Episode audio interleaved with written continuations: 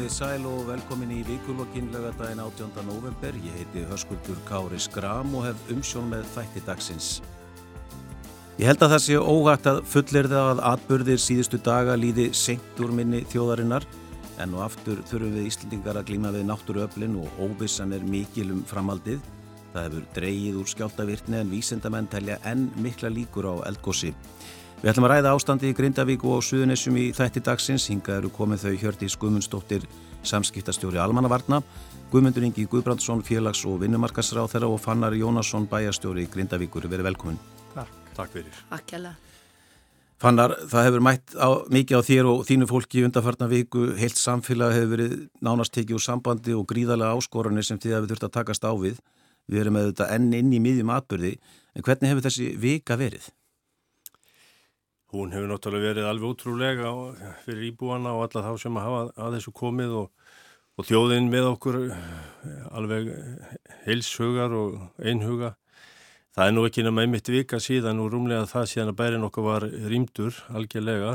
Síðustu aðilatnir sem voru viðbrasaðilar og, og stóðu vaktina í Grindavík fóru uh, aðfara nótt lögadags um fjöguleiti og þá, var bærin tómur og ef maður hugsa til þess hvers konar atbyrðu þetta er að bærin eh, engin einasta sála þar eftir og, og, og fyrir íbúana þurfa að horfa upp á það náttúrulega að finna sér húsnæðið tímabundið hjá vinum og ættingum og jafnvel í, í gistirími og, og óvissan sem að fylgi því hvað er framöndan vitur ekki hvernig eh, myndi reyða af húsnæðið þeirra eða innbúi hafandi ekki helstu nöðsina með sér og kannski bara fötin sem að fólki eh, var klætt í að það þurfti að flýja bæinn sinn.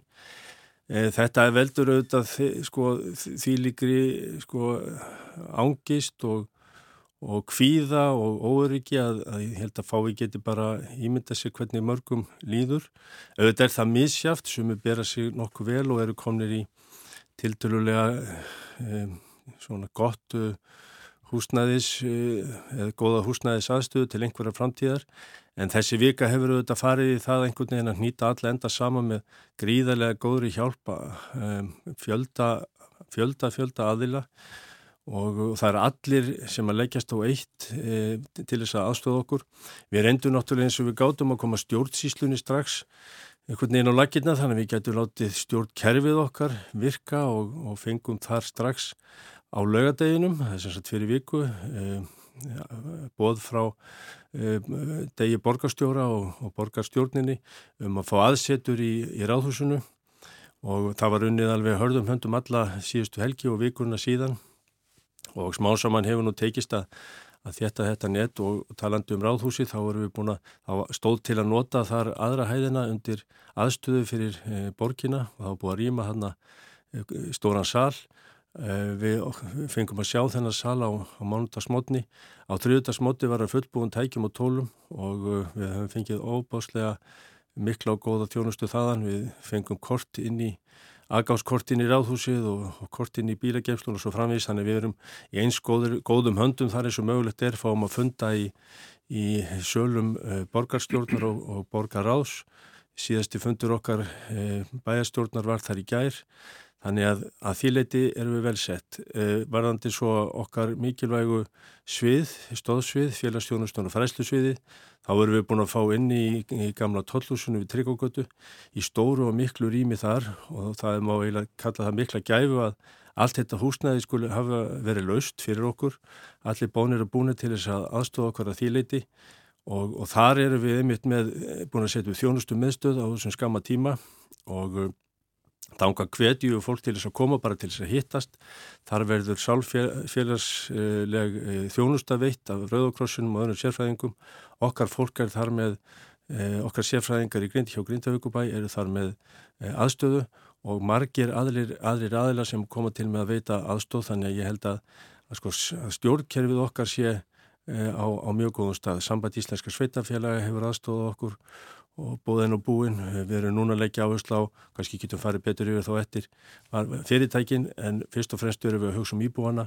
1200 íbúða einingar eru í Grindavík sem týðir svona gróft að það eru 1200 fjölskyldur ef við teljum líka þá sem að búa einir í, í, í, í húsnæði sem þurfa að finna húsarskjóla á þessum erfiðu tímum þegar að það er nú ekki mikið frambóð á húsnæði þannig að verkefni er gríðilega stort uh, Almannavarnir, þetta er ríkislauglustjóra hefur með sínum flotta mannskap uh, lagt eila önnu verkefni sem hægti til hliða til þess að sinna okkur, það er búið að bæta í aðstóð frá ráðunætunum ríkistjórnin og einstakir ráþeirar og allir ráþeirar hafa, hafa hérna, marg bóðið fram aðstöðu sína. Við höfum fundað með þessum aðlum öllum við höfum fundað með öllum um, bæjarstjórum á höfuborgarsveðin og borgarstjóra. Við höfum fjarfundað með öllum sveitastjórum og bæjarstjórum og borgarstjóra á landinu. Þannig að við erum í, utanum okkur er haldið mjög vel, við þurfum bara að þykja öll, alla þessa miklu hjálp en það tekur tíma og ég veit að það er mikil óþræja og krafa hjá fólki að, að unnið sér vel og þetta hjá þeirra málum. En það tekur allt langa tíma en það er mjög margar hendur á lofti til þess að hjálpa. Og við erum þakklátt fyrir það en verkefni er stort og tekur auðvitað bara auðvitað marga vikur því miður að greið almenna úr því en það eru allir að gera sitt besta. Þannig að þið hafið fundið fyrir mikilli samstöðu í stöttumáli líka? Gríðarlega mikilli samstöðu, allstaðar frá þar allir bónir eru búinir og ótrúlega mikið sem okkur best af, af svona margskonar og allskonar bara bóðum um hvað eina bara sem gæti komið að gagni frá þúsundir einstaklinga, hundru fyrirtækja, stopnana, félagasamtaka reyna að leta undir með fólki varðandi e, tómstundir og íþróttir og hreyfingu og, og, og hvað eina við erum að reyna að koma saman bara góðum líka heimasíðum til þess að e, vekja aðtiklu og öllu þessu sem að tildagt er. Það tekur líka tímaðu einhvern veginn að, að undirbúa bara kerfin okkar til þess að fólk hafi greiðan aðgákað að þessum gögnum öllum og það er í fullu, fullu, fullri vinn og verður unnið helgina núna og og alla daga bara eins og hægtir. Hjördís, þið hjá almannavörnum hafið auðvitað staðið vaktina þar að mörgu að huga, já, getur líst eh, fyrir okkur þeim verkefnum sem þið hafið þurft að taka stáfið síðustu daga? Já, ég held að fannar hafið mitt farið alveg frábæla yfir allt það sem er búið að gera. Við höfum náttúrulega komið að mörgum af þessu verkefnum en, en sjálfsögðu ekki öllum. En okkar verkefni, já, almannavörnum hefur að sjálfsögðu verið það að passa upp á líf og hilsu fólks og þetta þegar ég rýminguna á fyrstu daginn þá stýst þetta alltaf aðalega um þetta þetta öryggi að fólk sé örugt það er oft erðara ákvarðanir sem þarf að taka í svona aðstæðum og, og svo var tekin á fyrstu daginn og maður veltir alveg fyrir sér þetta með að upplifa þetta og, og við erum eflust eins og við erum ennþá að tala um Vespanjar góðsif fyrir 50 óru síðan að, að þetta er stýst alveg ótrúlega mikið um fólk, tilfinningarnar hvernig upplifunin er. Og svo er allt hitt, öll stjórnsíslan allt það sem þarf að gera og svörin sem fólk þarf að fá. Þannig að okkar hlutarköfið bara verið þetta að koma að reyna að koma upplýsingum til fólks. Um, þessi vika, oft tala maður vika í pólitík sé, laung. Það er ótrúlega að hugsa til þess að þessi vika síðan er mitt og margir búin að hlaupa hratt á þessari viku. Þannig að núna móðilega að segja að við séum að kannski að horfa núna fram veginn. Við erum búin að vera í alveg ótrúlega neyðar miklu neyðar ástandi og í dag er, var einmitt sendt út til fólks núna að nú er komið ákveð um, form þess að fólk getur núna skráð sér inn að því okkur er mjög umhugað um það fólk sem ekki hefur fengið að fara heim til sín að það komist heim. Þannig að núna er búið að senda út og fólk getur með fara inn á heimasíðu okkar og á fleiri stöðum. Er það uh, almannavarnir.is? Já, já, og þetta verður á fleiri stöðum og mun ekki fara fram hjá þeim vegna sem við vitum að það snýst, þetta snýst allt um að komast heim og maður skilur það svo vel. Þannig að núna er komið þetta ákveð form þess að fólk getur skráð sér inn og þar, fer, þar sjáum við, höfum við, fáum við ennþá betri yfir sín, yfir þá sem ekki eða þau sem ekki hafa farið heim og um það snýst þetta ekki okkur þessa dagana. Já, Guðmundur Ingi, Ríkistjótin hefur þurft að breyðast ansið hratt við þessum aðstæðum, bara mánudaginn þá var samtidig þetta frumvarp um að venda mikilvæga innviði til að koma framkvæmdum á stað, sérstaklega við svarsengi og í gær samtitt svo ríkistjónin frumvarp sem að þú ert búin að vera með í smíðum sem snýst um stöðning við launafólki í Grindavík. Já, svona í stuttumáli, hvað hva fælst í þessu frumvarpi? Já, þetta er alveg rétt og, og eins og þú komst inn á hérna í upphæfi, sko, við erum stötti í miðjunni á einhverju jarfræðilegri atbyrgar á sem við vitum ekki hvernig endar. Og það veldur þessari óvissu sem að er bara nagandi og erfið e, og í sjálfu sér er svona óvisa alveg óþólandi mm. en það sem að stjórnvöld geta reynd að gera fyrir þegna sína þegar við erum í svona aðstæði er að reyna að draga eins mikið úr svo óviss og hægt er. Og ég dáist af sveitafélaginu og því sem að þau hafa verið að gera, uh, mínum höga snýst þetta svolítið um þrengt. Þetta er afkoma, þetta er skjólið eða húsnæðið og svo þetta svona félagslega og sálræna öryggi sem að fólk þarf að finna fyrir. Og allir þessir þættir, þeir blandast saman. Ég held að það sé mjög stórt skrefað Uh, samkomi miðstöðin og félagsmiðstöðin samkomi húsið í tollhúsinu hafi verið opnað í vikunni. Og þar erum við meðal annars líka frá ríkistofnunum að, að koma einn fólki eins og frá vinnumálastofnun. Uh, umbásmaður skuldara fyrir vantala þarna inn og fleiri aðila Rauðikrossin að bjóða upp á, á sál, sálrænan stuðning. Uh, síðan þegar það kemur á afkominu þá settum við þetta mál, uh, nummer eitt hjá okkur og það verkefni kemur inn í ráðunetti hjá mér.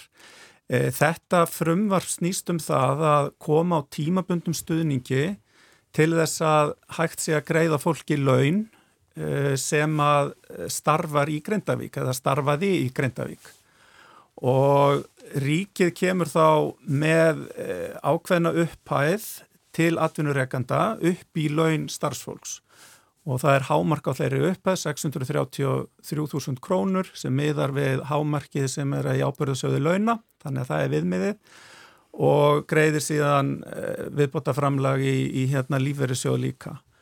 Þannig að eh, við vonumst til þess að þetta tryggi það að eh, fyrirtækin í Grindavík geti þá greitt starfsfólki sínu laun og við erum að horfa þetta út februar núna til að byrja með allavegna á meðan að vonandi óvissan mingar og svo eru þetta húsnæðismálin alveg risastór þáttur sem að, að sveitafélagið og, og uh, ríkið hafa verið að vinna það saman.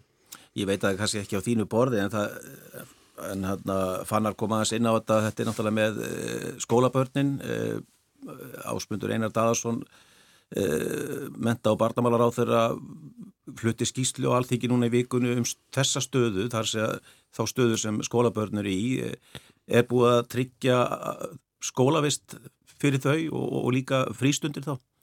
Ég hef svona fannar getið svarað þessu betur. Þau heldur fóreldrafund veit ég í, í gær og náttúrulega sveitarstjórnin sem heldur utanum skólamálin en svona kannski venda á barnamálaráðaneti veitir allan þann stuðning sem þau geta. Fannar þú kannski já. bara skeinsanlega að þú takir þennan pálta. Þau veistur ykkur meira. Já, já, takk fyrir það. Já, eins og Guðmundur sagði að þá um, var fundur í gær í lögatarsöllinni þar sem að fóreldurum barna í Grindavík var búið að koma Það eru rúmlega 1000 börn á aldrinu 0 til 18 ára í bænum. Uh, Lang flest er náttúrulega í grunnskóla og, og leikskólum bæjarins. Þetta var fjölsóttur fundur hjá okkur og, og uh, eftir framsuguræður tvær að þá var bóðu upp á uh, samtal við félagsjónustun okkar og aðra, aðra þá sem að eru að hlúa einmitt sérstaklega þessum og huga þessum málflokki. Ég veit og ég hitti nú aðeða þarna frá uh, fræslu deild, deild uh, Reykjavíkuborgar og það er að fara af stað og rætti þetta sama tíma við skó, skólastjóran í gær uh, á, í, núni í vikunni. Næstu þá verður svona miðja viku, kannski miðugudag eða svo, þá hefst kennsla líklega á alltaf fjórum stöðum í bænum, fjórum skólum þar sem að jafnvel svona 200 nefnendur geta byrjað og síðan verður prjóna við þetta smám saman. Það er búið að taka mjög uh, vel á þessu málum öllu saman af halvu Reykjavík og borgar og sveitafélagina hér í kring og annar staða líka. Sama er að segja um Suðunessin og Suðurland. Það er allir bónir og búnir að reyna einhvern veginn að leta undir með grindvikingum og ekki síst uh, börnum og, og nefnendum. Þá líka við um framhaldsskóluna. Þannig að ég held að það með segja við séum komin á nokkuð góðan stað þar en það var þetta eiginlega það fyrsta sem við settum í ganga fullum krafti síðast á lögadag fyrir slettri viku. Og þá var uh, borgarstjóri og hans fólk á fundum með okkur, það voru, uh, það voru sviðstjórar uh, fræslusviða allra bæjarfélagana hérna á, á höfuborgarsvæðinu og víðar sem komu saman einmitt út af þessu unnu stiftum eh, síðustu helgi og alla vikuna. Þannig ég verði að segja, ég held að það sé komið á einskoðan stað og hægt er. En þess ber náttúrulega geta að það eru það er eðlilegt kannski að foreldrar barna sem að e, hafa ekki fasta búsettu, ekki búsettu úrraði nema kannski nokkra dag og vera býð eftir því að fá einhverja festu í, í lífi hvað þetta varðar, að þau sjáu ekki ástæði til þess og það sé ekki hagur barnana að vera mæta í skóla endilega strax við þessar aðstæður.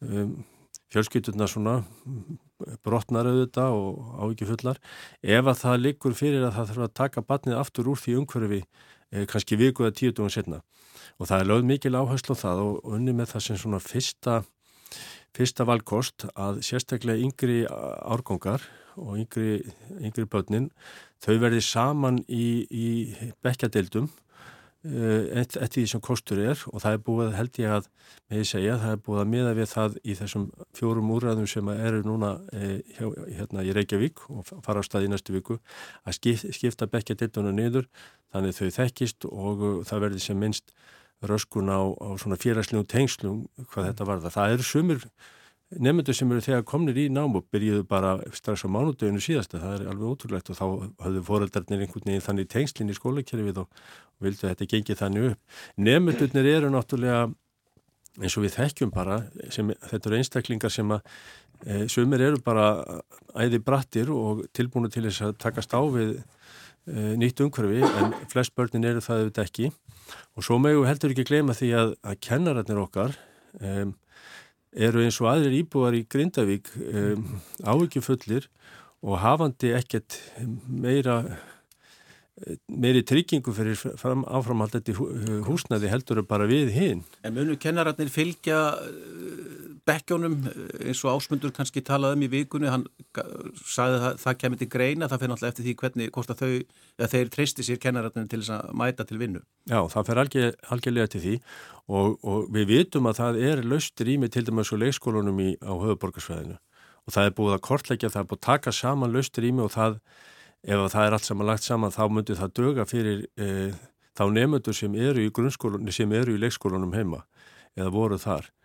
En, en það, það þurfa hins vegar að vera kennara sem koma með og aðstofa fólk vegna þess að það er kannski löst rými í þessum skólum einmitt vegna þess að vantar fólk til starfa. En það væri hægt að bæta í, í marga leikskóla hérna, viðbóta nefndum ef að það fylgdi með kennararnir. Þeir eru auðvitað eins og bara aðrir einstaklingar á misjöfnu staði í lífun og sumi trista sér til að fara í kennslu og tímabundið og, eða fullum þunga og aðri bara ekki eins og sæki standa. Þannig að þetta er heilmikið púsluspil.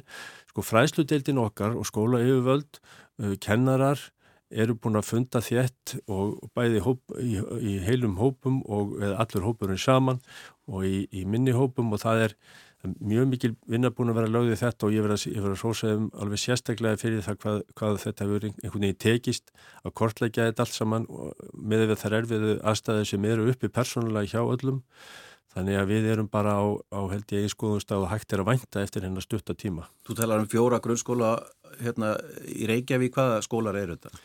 Já það er nú til dæmis strax var byrjað að bjóða fram Ármúlaskólan, hann tekum við mestum fjöldanum Uh, sko laugalækja skóli minni mig ég var nú sagt þetta í gæri þú eru ekki alveg að fara nei, nei, með það kannski skiptir það ekki öllum það eru fleiri, sem, fleiri sko, skóla sem eru í, í skoðun og, og þá náttúrulega verða velta því fyrir sér að, að hérna hvernig aðgengi er fyrir fóreldar líka komast bara með börnin eða þarf að kera langa leiðir til þess að upp á það að geta haldið saman sko nýjundabekk og tíundabekk á sama stað og svo framvegist þannig að þetta er svona stórt og mikið verkefni að vinna úr mm -hmm. en, en það, það, þessi fjóri skólar myndu byrja og, og síðan eru bara fleiri sem að, sem að taka við. Er, sko, við vitum að til dæmis mörgum sem að búa núna í, í sumabústöðum í uppsveitum mánarsýslu það sem eru mörg þúsund sumabústöðir eh, einhverjir eiga bústöði og eiga fullt af vinum og, og, og hérna og ættingi sem eru tilbúinu til þess að, lána það húsnæði til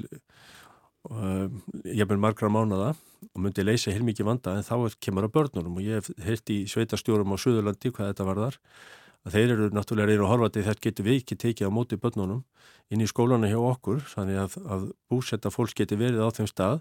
Fólk reynir svo að sækja sína vinnu bara með því að keira, keira sig á höfuborgarsæði hvar sem að, að þeirra vinna er En, eh, en þetta er svona eitt af því sem verið er að vinna með. Við, við vitum líka á Vesturlandi sem eru, eru þar og, og skólanir á þeim sömu stöðum er að reyna sitt besta. Guðmyndur, ég tala, myndist á þetta frumvart hérna varandi launafólkið. Mm. Eru fleiri frumvörp í skoðun eða smíðum innan þýns ráðanætis eh, til þess að taka utanum þetta fólk? Ekki á svo stöttum. Við hérna, teljum að með þessu móti náum við utanum þau sem að bara geta ekki sótt vinnu til Grindavíkur og um, það er svona það mikilvægast að núna, svo þurfum við náttúrulega bara að sjá hvernig, hvernig framvindur en við teljum að þetta frumvarp eigi að geta náðu utanum uh, vantarlega bara all flest ef ekki öll sem að, sem að þarna vunni, að þetta næri líka til sjálfstæðstarfandi einstaklinga.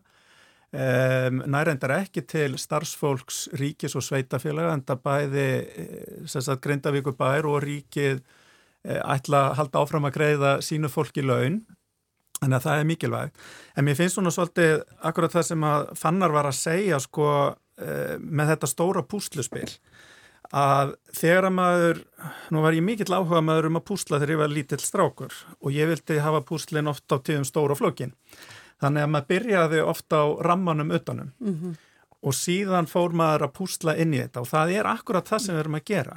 Við erum að nálgast þetta verkefni ríki, sveitafélög, almannavartir, stopnarnir ríkisins eh, með því móti að taka þetta skref fyrir skref. Og ég skil að fólk sé óþólumót og maður skilur að það sé, sé hérna, örli á reyði og, og frústrarasjón um, en ég held að það sé mikilvægt að, að við sem að erum að koma þessum málum, svona sendum þau skilabóð út að það er verið að vinna í þessu skref fyrir skref og mín tilfinning er svo að e, það gangi vel, það er einstaklega gott að e, sjá samtakamátti milli ríkisins, e, Grindavíkubæjar og Grindavíkubæjar við önnur sveitafjölu en likil atrið finnst mér alltaf vera í þessu tvennu, það er húsnæði og afkoma.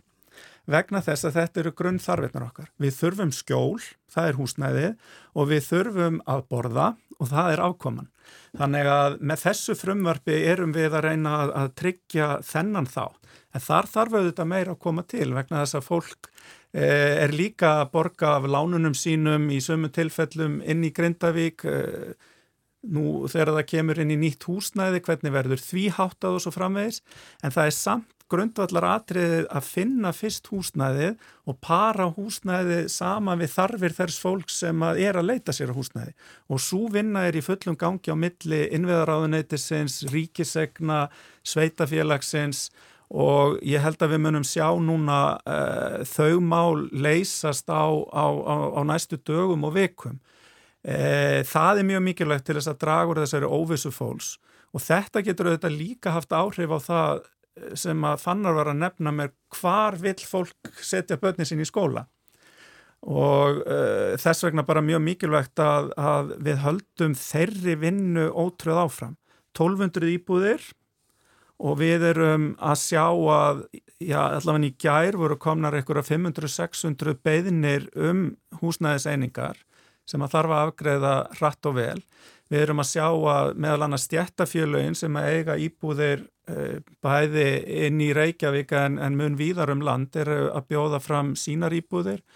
Við erum að horfa á húsnæði sem að um, er nánast tilbúið til notkunnar sem að þarf lítið að gera fyrir til þess að hægt sé að koma fólki inn í, þar að segja nýbyggingar. Nú auðvitað íbúði leigufélaga, eigu sveitafélaga fyrirtækis og almennings. Þannig að, að um, Ég held að, að það muni margt skýrast núna á næstu einu til tveimu vikum sem að muni draga úr þessari óvissu sem að fólk er í, þessari óþólandi óvissu sem að, sem að því miður eru uppi. En, en... Mér, mér langar að gera þín orða mínum, þetta er svo rétt vegna þess að þetta er algjört pústaspill og ég held að vonandi frá þá með deginum í dag verði ákveðin vatnaskill í því sem hægt er að svara. Uh, og þetta samtal sem við verðum að eiga við íbúa Grindvík og bæjar. Og ég held um þetta að kerfið okkur hafi virkað. Kerfið á Íslandi virkaði. Og það kannski lítur út þannig að það hafi ekki gert það. Þar að segja í alltaf þessu upplýsingagjöfu sem að skiptir höfumáli að fólk viti nákvæmlega hver staðan er. Þannig að bæði myndi ég halda að þá er ekki bara að tala um almanna kerfið sem slíkt heldur kerfið okkur í Íslandi. Við erum vonandið að grýpa boltana og hjálpa eins og þú segir fannar, það eru allir tilbúinir og það kannski hefur ekki verið nógu skýrt til íbúana sem að skiptir höfumáli hvað er verið að gera. En ég held að með, með vefnum sem var ákveði núna í þessum aðdraðanda á þessar viku að nota Ísland.is þar verður síða sem að opna bara núna vonandi bara á næstu dögum í síðasta lagi mándagin sem verður lendingarsíða þar sem hægt er að fá allar upplýsingar. Og ef það er ekki þar þá er það eiga í samtali þar að fá, fá upplýsingar og svo eins og fann að sagða þann að þessi þjónustumiðstöð hún munum vonandi verða líkil fyrir það, þau sem vilja aðstóð og hafa þessar spurningar því þar verða, verða svörin. Og ef þú kemst ekki þángað eins og við vorum að, að tala við hérna ítrekkað um að fólk er út um allt að þá verður þessi síða móna einskonar þjónustu miðstöð á vefnum. Og ég held þetta samtal, við erum að hlusta bæði við hjá almannavörnum og við öll kerfið er að hlusta. Þannig að það sem er sagt á samfélagsmiðlum, það sem er sagt í fjölmiðlum, við, í viðtölum við íbúa, við erum að hlusta. En, en, en sko hvað með fyrirtæki? Við höfum rætt hérna um launafólk. Eh, nú eru fyrirtæki mörg hver starfandi í Grindavíkubæ sem hafa þurft að loka og, og þetta eru kannski bara meðalstór fyrirtæki, lítil og svo framvegis og öllum stærðum og gerðum. Eh, hvað verður um þessi fyrirtæki? Fá þau einhvern stuðning til þess að þau geti hafið starfsemi á ný eða eða er eitthvað svona verið að skoða þennan þátt í þessu öllu saman? Já, þetta er eitt af því sem að ég myndi segja væru púsluspil sem að, að hérna, þarf að fara að, að huga að. Auðvitað er þetta frumvarp sem að ég mun mæla fyrir á mánudaginn hluti af því að auðvelda fyrirtækjunum núna til að byrja með að greiða laun sem að eh, eru þetta fyrst og fremst fyrir fólki sjálft. En þetta er eitt af þeim atriðum sem við þurfum að skoða í framhaldinu. Væntanlega eru einhver fyrirtæki sem að geta að hluta til eða öllu leiti fært starfsemi sína til en alls ekki öll. Og þess vegna þarf að ná utanum það líka með hvað hætti þetta verður hægt að gera eh, hvort sem að það væri þá stuðningur á meðan að eh, á meðan við vitum ekki meira, á meðan við vitum ekki á hvaða tímapunkti þau geta hafið starfsemi sína á nýjan leik inn í Grindavík og eh, eitt af því sem að, að er bara á listanum, aðgerðalistanum. Já, það fyrir ykkur sem voru að koma viðtækjunum, þau sýti hérna Fannar Jónasson, bæjarstjóri Grindavíkur, Hjördi Guðmundsdóttir, samskiptastjóri Almannavarna og Guðmundur Ingi Guðbrandsson, félags og vinnu markasráð þeirra.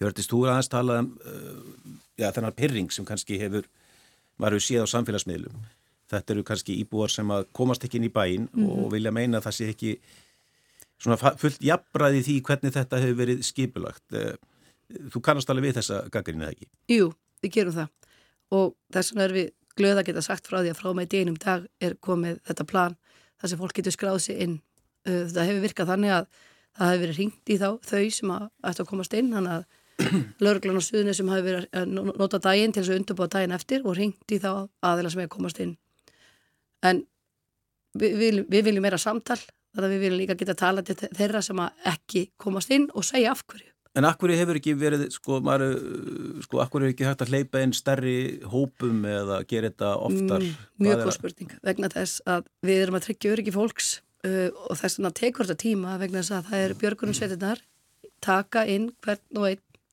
og eru þá með þessa tetrastöð sem við sem að kerfið okkur byggist líka á að við getum alltaf ná til þeirra sem er á staðnum og við vitum nákvæmlega hverjur eru inni. Þannig eins og við lendum í vikunni, eða lendum í þegar það þurft að rýma vegna, vegna mæling á, á gas á staðnum, uh, þá gáttum við komið fólki út rætt og örugla og þetta stýsti úr þetta að uh, fyrsta daginn var vissulega öllum hliftinn sem voru á staðnum en við teljum að við getum ekki tryggt öryggi fólks með að leipa inn án þess að björgunarsveitin sé með hverjum einum. Þannig getum við komið fólki hratt út eins og við erum með tæki og tól og með viðstof Íslands að sjálfsögðu sem að gæti verið fyrirbóði eldgós og við erum alltaf að vinna með það að yfirvofandi er eldgós og ég viðkynna það núna í þessari viku þegar við höfum verið að hlaupum að stundum gleymum verði vegna þess að okkur langar svo að fólk komist inn og, og ná í sínar helstu eigur það sem er, mann þykir verða matast eða þykir mest vænt um þannig að þetta snýstu þetta að hver og einn hefur fyllt og við sjáum og höfum yfir hver er inni. En fannar þú skilur vantarlega þennan pyrring sem hefur örlað á? Já, ég, ég vil ekki eins og nota orðið pyrringu sko, það, fólki líður gríðarlega illa, mm. það er svo mikið mm. óöruggi og það er svo mikið Já. Óvissa og, og svo skrítið sem það er þá, þá segir fólk að því að þetta er sko, það er þrýsa búið að gjósa hjá okkur núna á, á þreymur árum, gauðs núna sko vel að merkja að það var elgós í ágúst og uh, það er svona vaksandi þreita hjá fólki og, og það er náttúrulega ástandið vest núna og nú allt annað.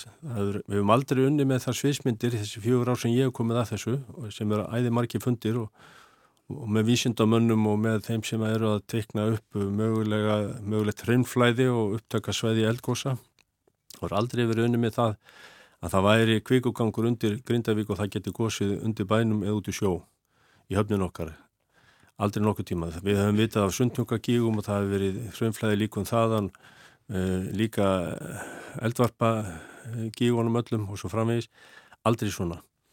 Þannig að þegar fólk sér þá þarf að flýja í óbúði úr húsum sínum, að þá, þá verður örvatningi náttúrulega algjör, uh, fjárastlugu áhuggjurna svo miklar, vinnan jafnvel farin líka, hús eignir mögulega verðlausar, það kemur í ljós að það eru hús þarna sem eru svo illa farin, þau verð ekki íbúða hræf eftir þetta.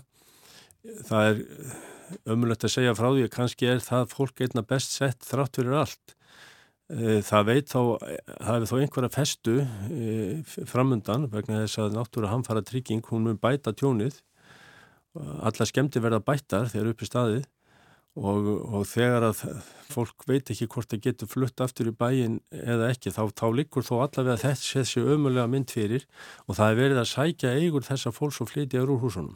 En, en sko varandi náttúru hanfara trygginga, það er bæta náttúrulega brunabótamatt, vermaði eigna með við brunabótamatt. Eh, hvernig hefur samræmi verið milli markasvirði og brunabótamats í, í bænum?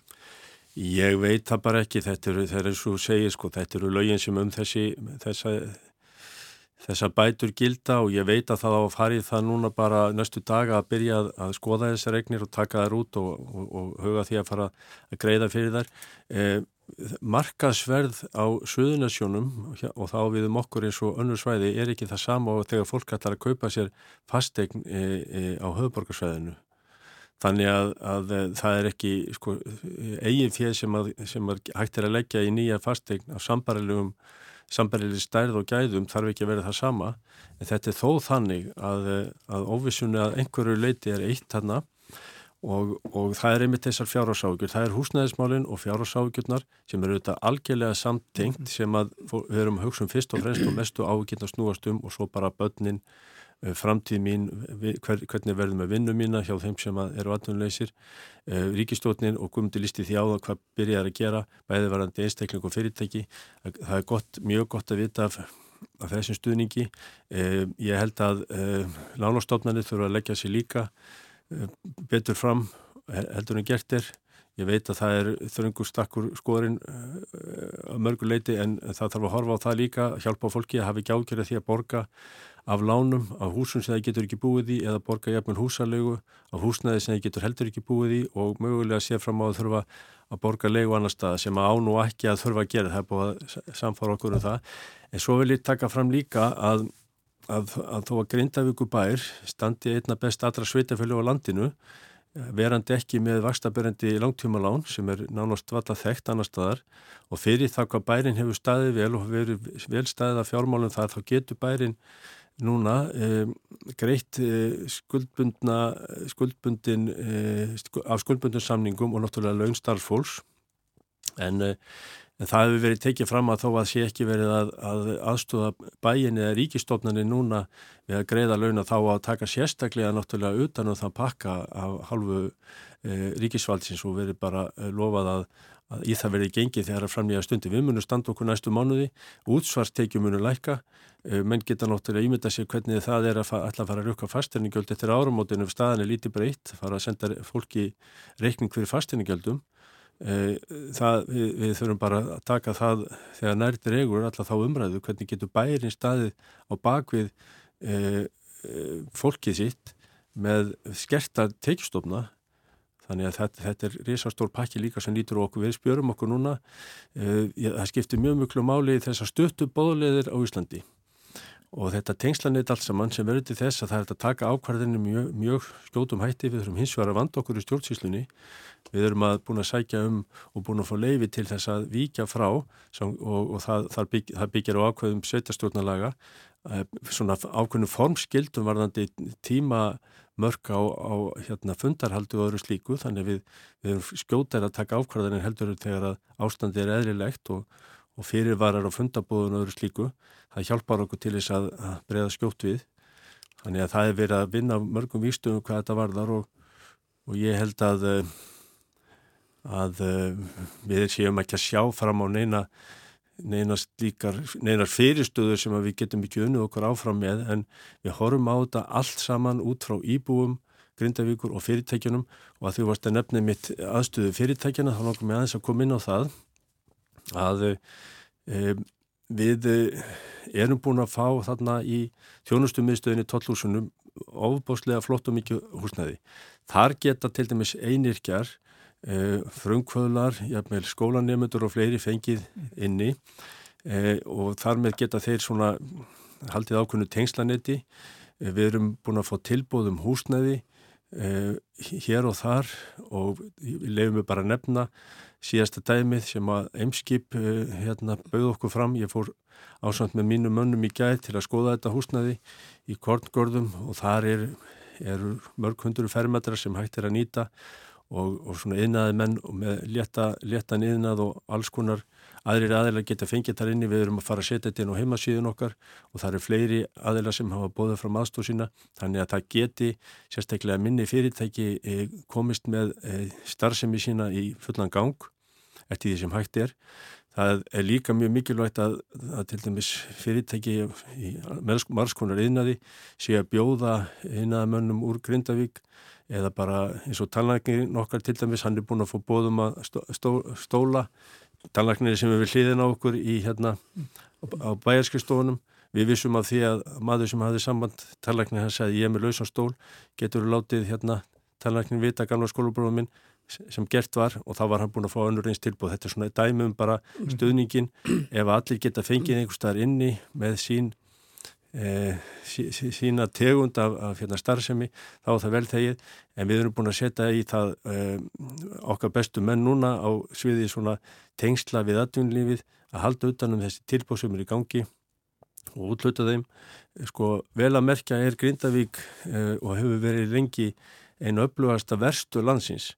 Og tvö af sex öflugustu útgerðar og fiskvinnslu fyrirtekjum á landinu er í Grindavík Abla hluteld Grindavíkur hafnar er svona í öðru til þriðja sæti á landsvísu þannig að þetta er óbásli framleysla og, og hefur verið og 10% af útflutningsteikjum á sjáurútegi koma frá Grindavík, alltaf 10% þegar að fjöld, íbúafjöldi Grindavíkur er 1%. Þannig við hefum skilað miklu til þjóðabúsins. Þetta er í uppnámi hjá okkur núna og uh, það verður ekki unni fiskur hjá okkur. Skipin hins vegar geta landað annar staðar en, eh, en atvinnulífið okkar er náttúrulega algjörlega lamað og, eh, og fólkið sem að hefur að tekið sínir af þessu þeir, það treystir á notar hefur treyst á fyrirtækjun okkar bæði á sviði hérna sjávarautas og önnur öllu fyrirtæki. Verður með öllu hérna, öllut fiskaldi í landi margskonar nýsköpun. Það, það er til dæmis sorglegt að horfa upp á það að það er verið að byggja svona nýsköpunar húsnaði hjá okkur. 2500 fermetra bauð upp á óbúslega mikla möguleika fyrstekniskólu Íslands í Grindavík átti að vera þar inni um, og, og hérna frumkvöðlar, einirkjar um, störfum og staðsetningar og hanna þarna fyrir tugi manna langt komið að byggja þetta húsnað ætluðum að opna það á, á 50 rammalastegi e, Grindavíkur 10. apríl næstkomandi um, úr því verður nú vantilega ekki en þessu tímastætting múið alltaf ekki standast þetta er svona dæmið mm. það sem að mm -hmm. við erum að hugsa varandi aðunlíf Já, en þú mittist aðeins á þessa bankana hérna, ég verði náttúrulega að fá að spyrja þig að því að því að það hefur verið tölvöld gaggrínt að bankarnir allir semst að frista lán eh, fólks í Grindavík, húsnæðislán en ekki fella niður vexti og, og verbætur hvað finnst þér um þetta tilbóð bankana? Fólki finnst ekki nóg að gert þeim sem að sem þurfa að borga þessi sem standa fram með fyrir þessu á þessum tímum. Það er bara þannig. Eh, menna, hvað ættu bankarnir að gera? Ættu bara að fella niður greiðslur alfarið í einhver tíma á meðan þetta ástandi er í gangi? Mér finnst það að ég gera betur en, en uh, gert hefur verið, eða það sem er í bóði núna. Já, ég má aðeins koma hérna inn í, sko, ég er þeirra skoðunar að bankarnir eigi að gera betur og ef við horfum bara, sko, í svona aðstæðin getur stundu verið gott að segja, heyrðu, tökum bara hérna næstu þrjá mánuði eða næstu sex mánuði eða hvað er og til dæmis í frumvarpinu sem ég mæli fyrir á, á, á mánudagin erum við að horfa út februar Eh, á meðan að náttúruhamfara trygging Íslands er að taka út skemmtir húsa, hver eru ónið, hver eru skemmt, hver er að verða bætunar og svo framhegis, þá er fólk að borga af lánunum sínum. Vissulega hafa bankarnir sagt, heyrðu nú fristum við þetta, en vextir og verðbætur eiga síðan að bætast hún á höfustólinn. Af hverju geta bankarnir ekki einfaldlega sagt, heyrðu, að minnstakosti út februar, að þá ætlum við ekki að gera þetta, þá verða enga borgarnir, það bætast ekki við vextir og, og hérna, verðbætur ofan á lánin. Það held ég að myndi létta á mjög mörgum sem er að sjá fyrir sér að það muni bætast við húsnæðiskostnaður í nýju húsnæði sem er verið fundið. Er ekki skrítið að það séu einhvern veginn allir að taka þátt í þessu, reyna að gera sitt besta uh, samfélagið í heild, uh, við erum að uh, viljum taka þátt í þessu nema fjármálastofnan í landsins, það er alltaf ekki að tapa einni krónu á þessu. Já, það er bara óþólandi og það bara á ekkert að vera þannig. Þannig að maður getur ekkert annað heldur en, en, en hérna bara krafist þess af þeim að þau eh, stýji betur fram og leggji meira að mörgum og just, ég er ekkert að segja það bara eitthvað sem ráður ég er bara að segja sem íbúi í þessu landi. Og, og hérna mér finnst þetta að skipta miklu máli. E, síðan þegar það kemur almennt á húsnæðinu þá gætu þarfir fólks verið mjög mismunandi og þær eru það sko sumt fólk, það vil alls ekki eða líður þannig núna, það vil alls ekki flytja tilbaka, meðan aðrir vilja helst komast langa sem fyrst. Og um, ég held að þetta geti líka farið eftir því, veitu, er húsið mitt skemmt eða er það ónýtt? Og svo framvegist, þannig að sumt fólk mun mögulega vilja fjárfesta inn í húsnæði, meðan annað fólk vil býða og þá kannski leia og það er eh, svona kannski þessi greining sem að er í gangi eh, sem að bæði rík og sveitafjölög eru þá að, að, að, að horfa til. Og við þurfum svolítið að sjá hver verður þörfin bæði til skemmri og lengri tíma um, hver, hversu margir vilja fara í þá átt að kaupa sér, vilja býða og alltaf leia til að byrja með. Og út frá því þurfum við síðan að skoða þá mögulegan stuðning við fólk í þessum aðstæðum. En fyrst er að koma á góðri kortlegning og greining á því hver er þörfin og hvar liggur hún. Ja, því við tölum langar samt ekki alveg að sleppa þessu með bankana. Sko eftir bankarhrunið þá voru sett neyðarlög til þess að venda fólk. Reyndar ímislegt verið sagt um þessu neyðalög en það voru sett neyðalög hér á Íslandi. Kemur til greina að setja einhvers konar neyðalög til að tryggja það að bankarnir sé ekki að fara þessa leið og, og þurfir hennilega að taka á sig einhvern kostnað út af þessu? Sko það hefur allavega ekki verið rætt enn sem komið er í, í ríkistjórn svo það sé sagt en um, við ráþærarnir uh, deilum öll þessum áhyggjum sem að fólk hefur af þessum þætti sérstaklega og ég menna við höfum heyrt í fleiri ráþörum gaggrína þetta og mér finnst koma til greina að grýpa inn í ef að bankarnir með einhverjum hætti, ég veit ekki nákvæmlega hvaða hætti, eh, en mér finnst það koma til greina að grýpa inn í með einhverjum hætti ef að, ef að hérna eh, bankarnir, hefur minnsta allavega, herðu, núna bara út februar til dæmis, að þá ætlum við að, að gefa meira eftir vegna þess að eins og þú sagðir áðan að eh, það þurfa allir að leggjast á áratnar hérna, líka lánastofnarnir í landinu. Hjördís, aðeins um að því það hefur aðeins verið að tala um þessar skemmti sem hafa orðin náttúrulega í bænum, við vitum það, þar hefur jörð verið að síga uh, og sprungur myndast víða. Uh, hafið þið eitthvað verið að skoða og leggja mat á þessar skemmti núna síðustu daga? Já, við höfum svo sem skoðað og séð og séð eðilegginguna, uh, mantal ekki mynd okkar að að þarna, ekki nema það bara samhafa að benda á hvað ja, þarf að gera og það er náttúrulega trygginga sem að munum þó meta þetta allt saman en okkar er kannski er að sjá um eitt eðilegginguna, meta hvað við sjáum fyrir okkur næstu mánuði. Það er eins og við talaðum um í daga það er fólk sem er ekki að fara aftur heim í sín, sín hús þau eru ónýtt og, og ekkur stöðum í bænum eru þau bara í, í góðu lægi þráttur að við séum að býða þessu elgósi sem er hann undir. Mm -hmm. þannig að það er kannski frekar okkar að, að benda á hvað, hvað er framundan eða hvernig við metum það vegna þess að við vinnum held ég öll út frá því að íbúar grindavíkur fara aftur heim. Það er alltaf okkar útgangspunktur. Og þessi er mjög rétt að sem að var sagt þetta áðan að við getum ekki sagt að það sama gildi fyrir alla. Þetta er ekki bara, kjur og svel við erum að fara all heim þegar orðið óhætt. Vegna þess að það er, er mörg húsnaði, mikið af húsnaði sem er ekki íbúðarhæft eins og hefur bara komið fram og það fólk sem býðir þeim húsnaðum þarf auðvitað að fara på að vita það, sumi vita það, kannski ekki aðrir. Þannig að þetta með að vinna út frá því að við verum öll að stefna því að allir komist aftur heim í sitt umkörfi verið utan húsnaði sjálf en í sitt umkörfi maður getur bara, maður getur alltaf ekki sett sér í þessi spór en maður getur kannski sett sér í þau spór að vera með börni sín ekki í sínu íþróttafélagi í sínum grindavíku búning að fara að spila verið sitt félag? Eða skiljið við tökum bara íþróttinnar út, út fyrir svega núna? Þannig að jú, við allavega erum alltaf að horfa á þetta að fólk komist aftur heim en svo er það kannski annar að meta nákvæmlega hvernig hvað verður gert og allt það. En við munum náttúrulega bara stiðja við ekki síst björkunarsveitinarstaðunum ég fekk tækifæri til þess að hitta þau í gær.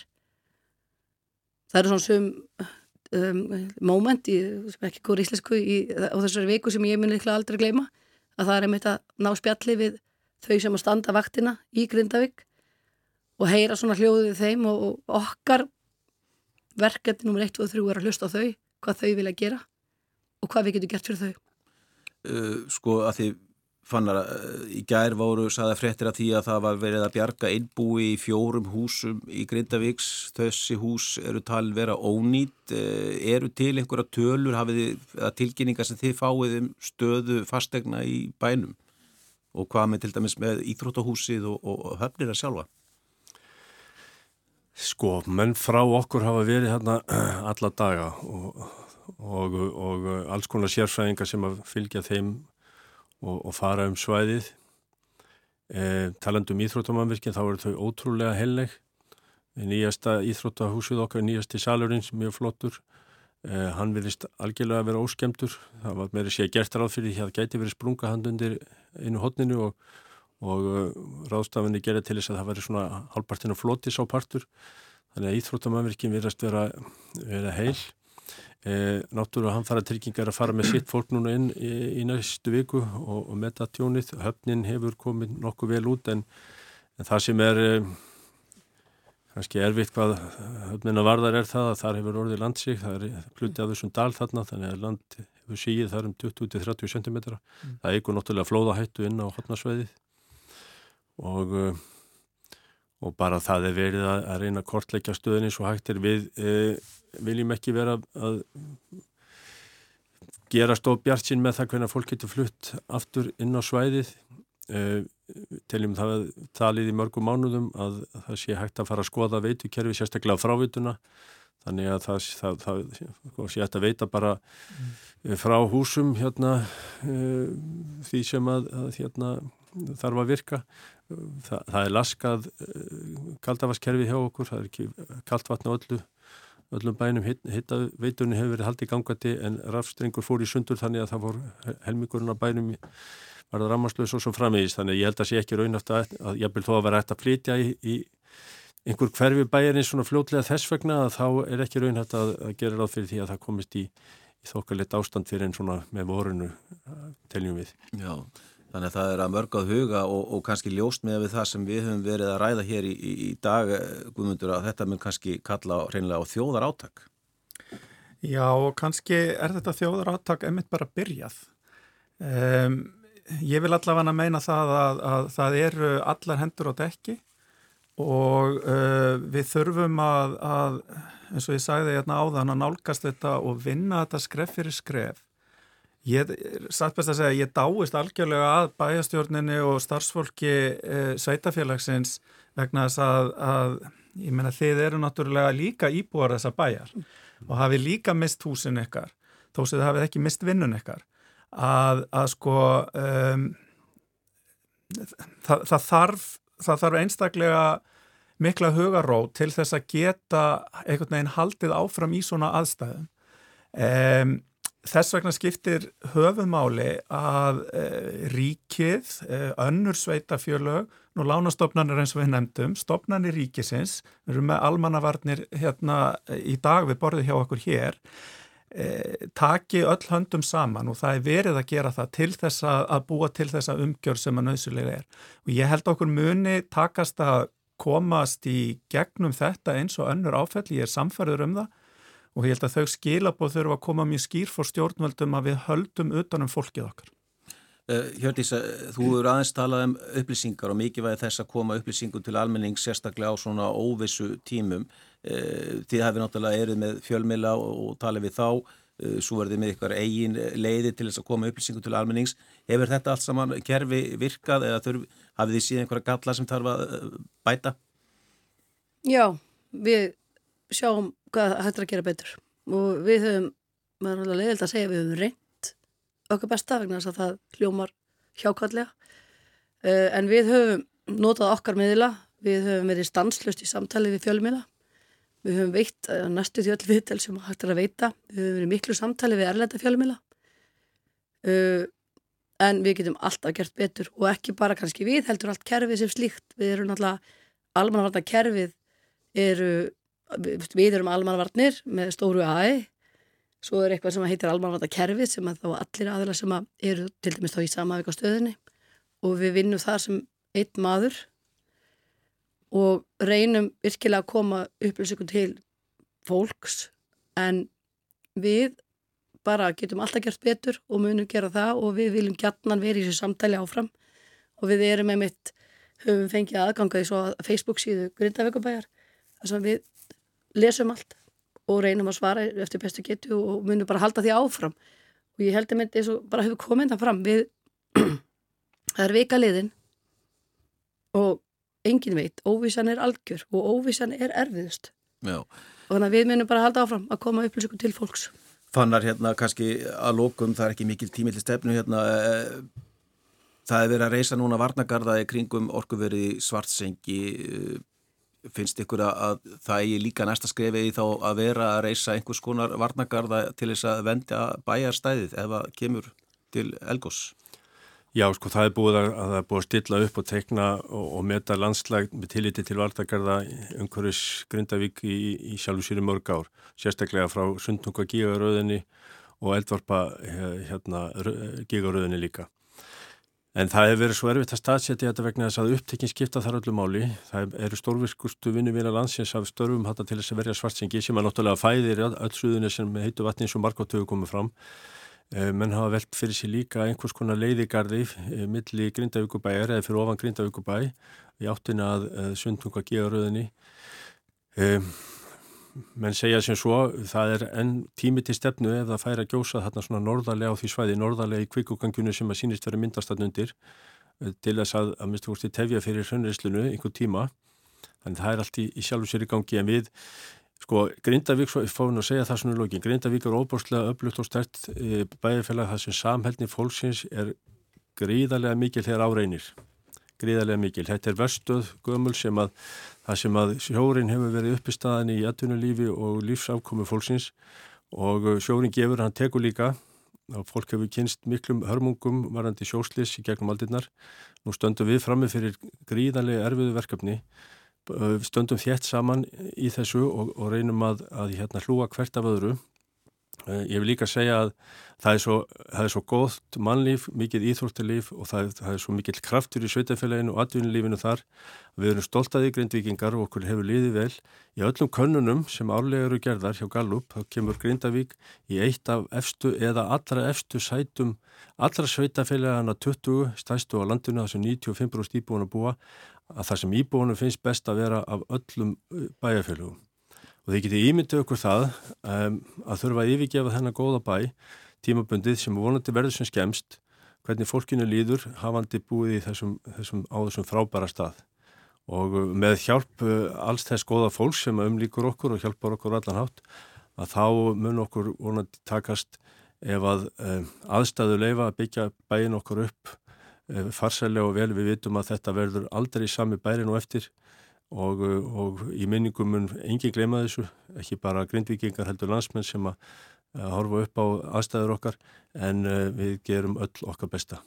Og svo erstu að fara að hlaupa núna á upplýsingafund almannavarna með fósættisráður eða það ekki? Jú, hann er klukkan eitt og ég vona ég vil komin á uh, korfuboltaleik uh, hvenna Deldarinn er okkar klukkan 2 og hvert allar grindviking og aðra til að koma þangað og svo keppa Karlarni klukkan 5 og ég ætla að vera þar ásamt uh, öðrum uh, nágrunum mínum og vinnum og í Grindavík.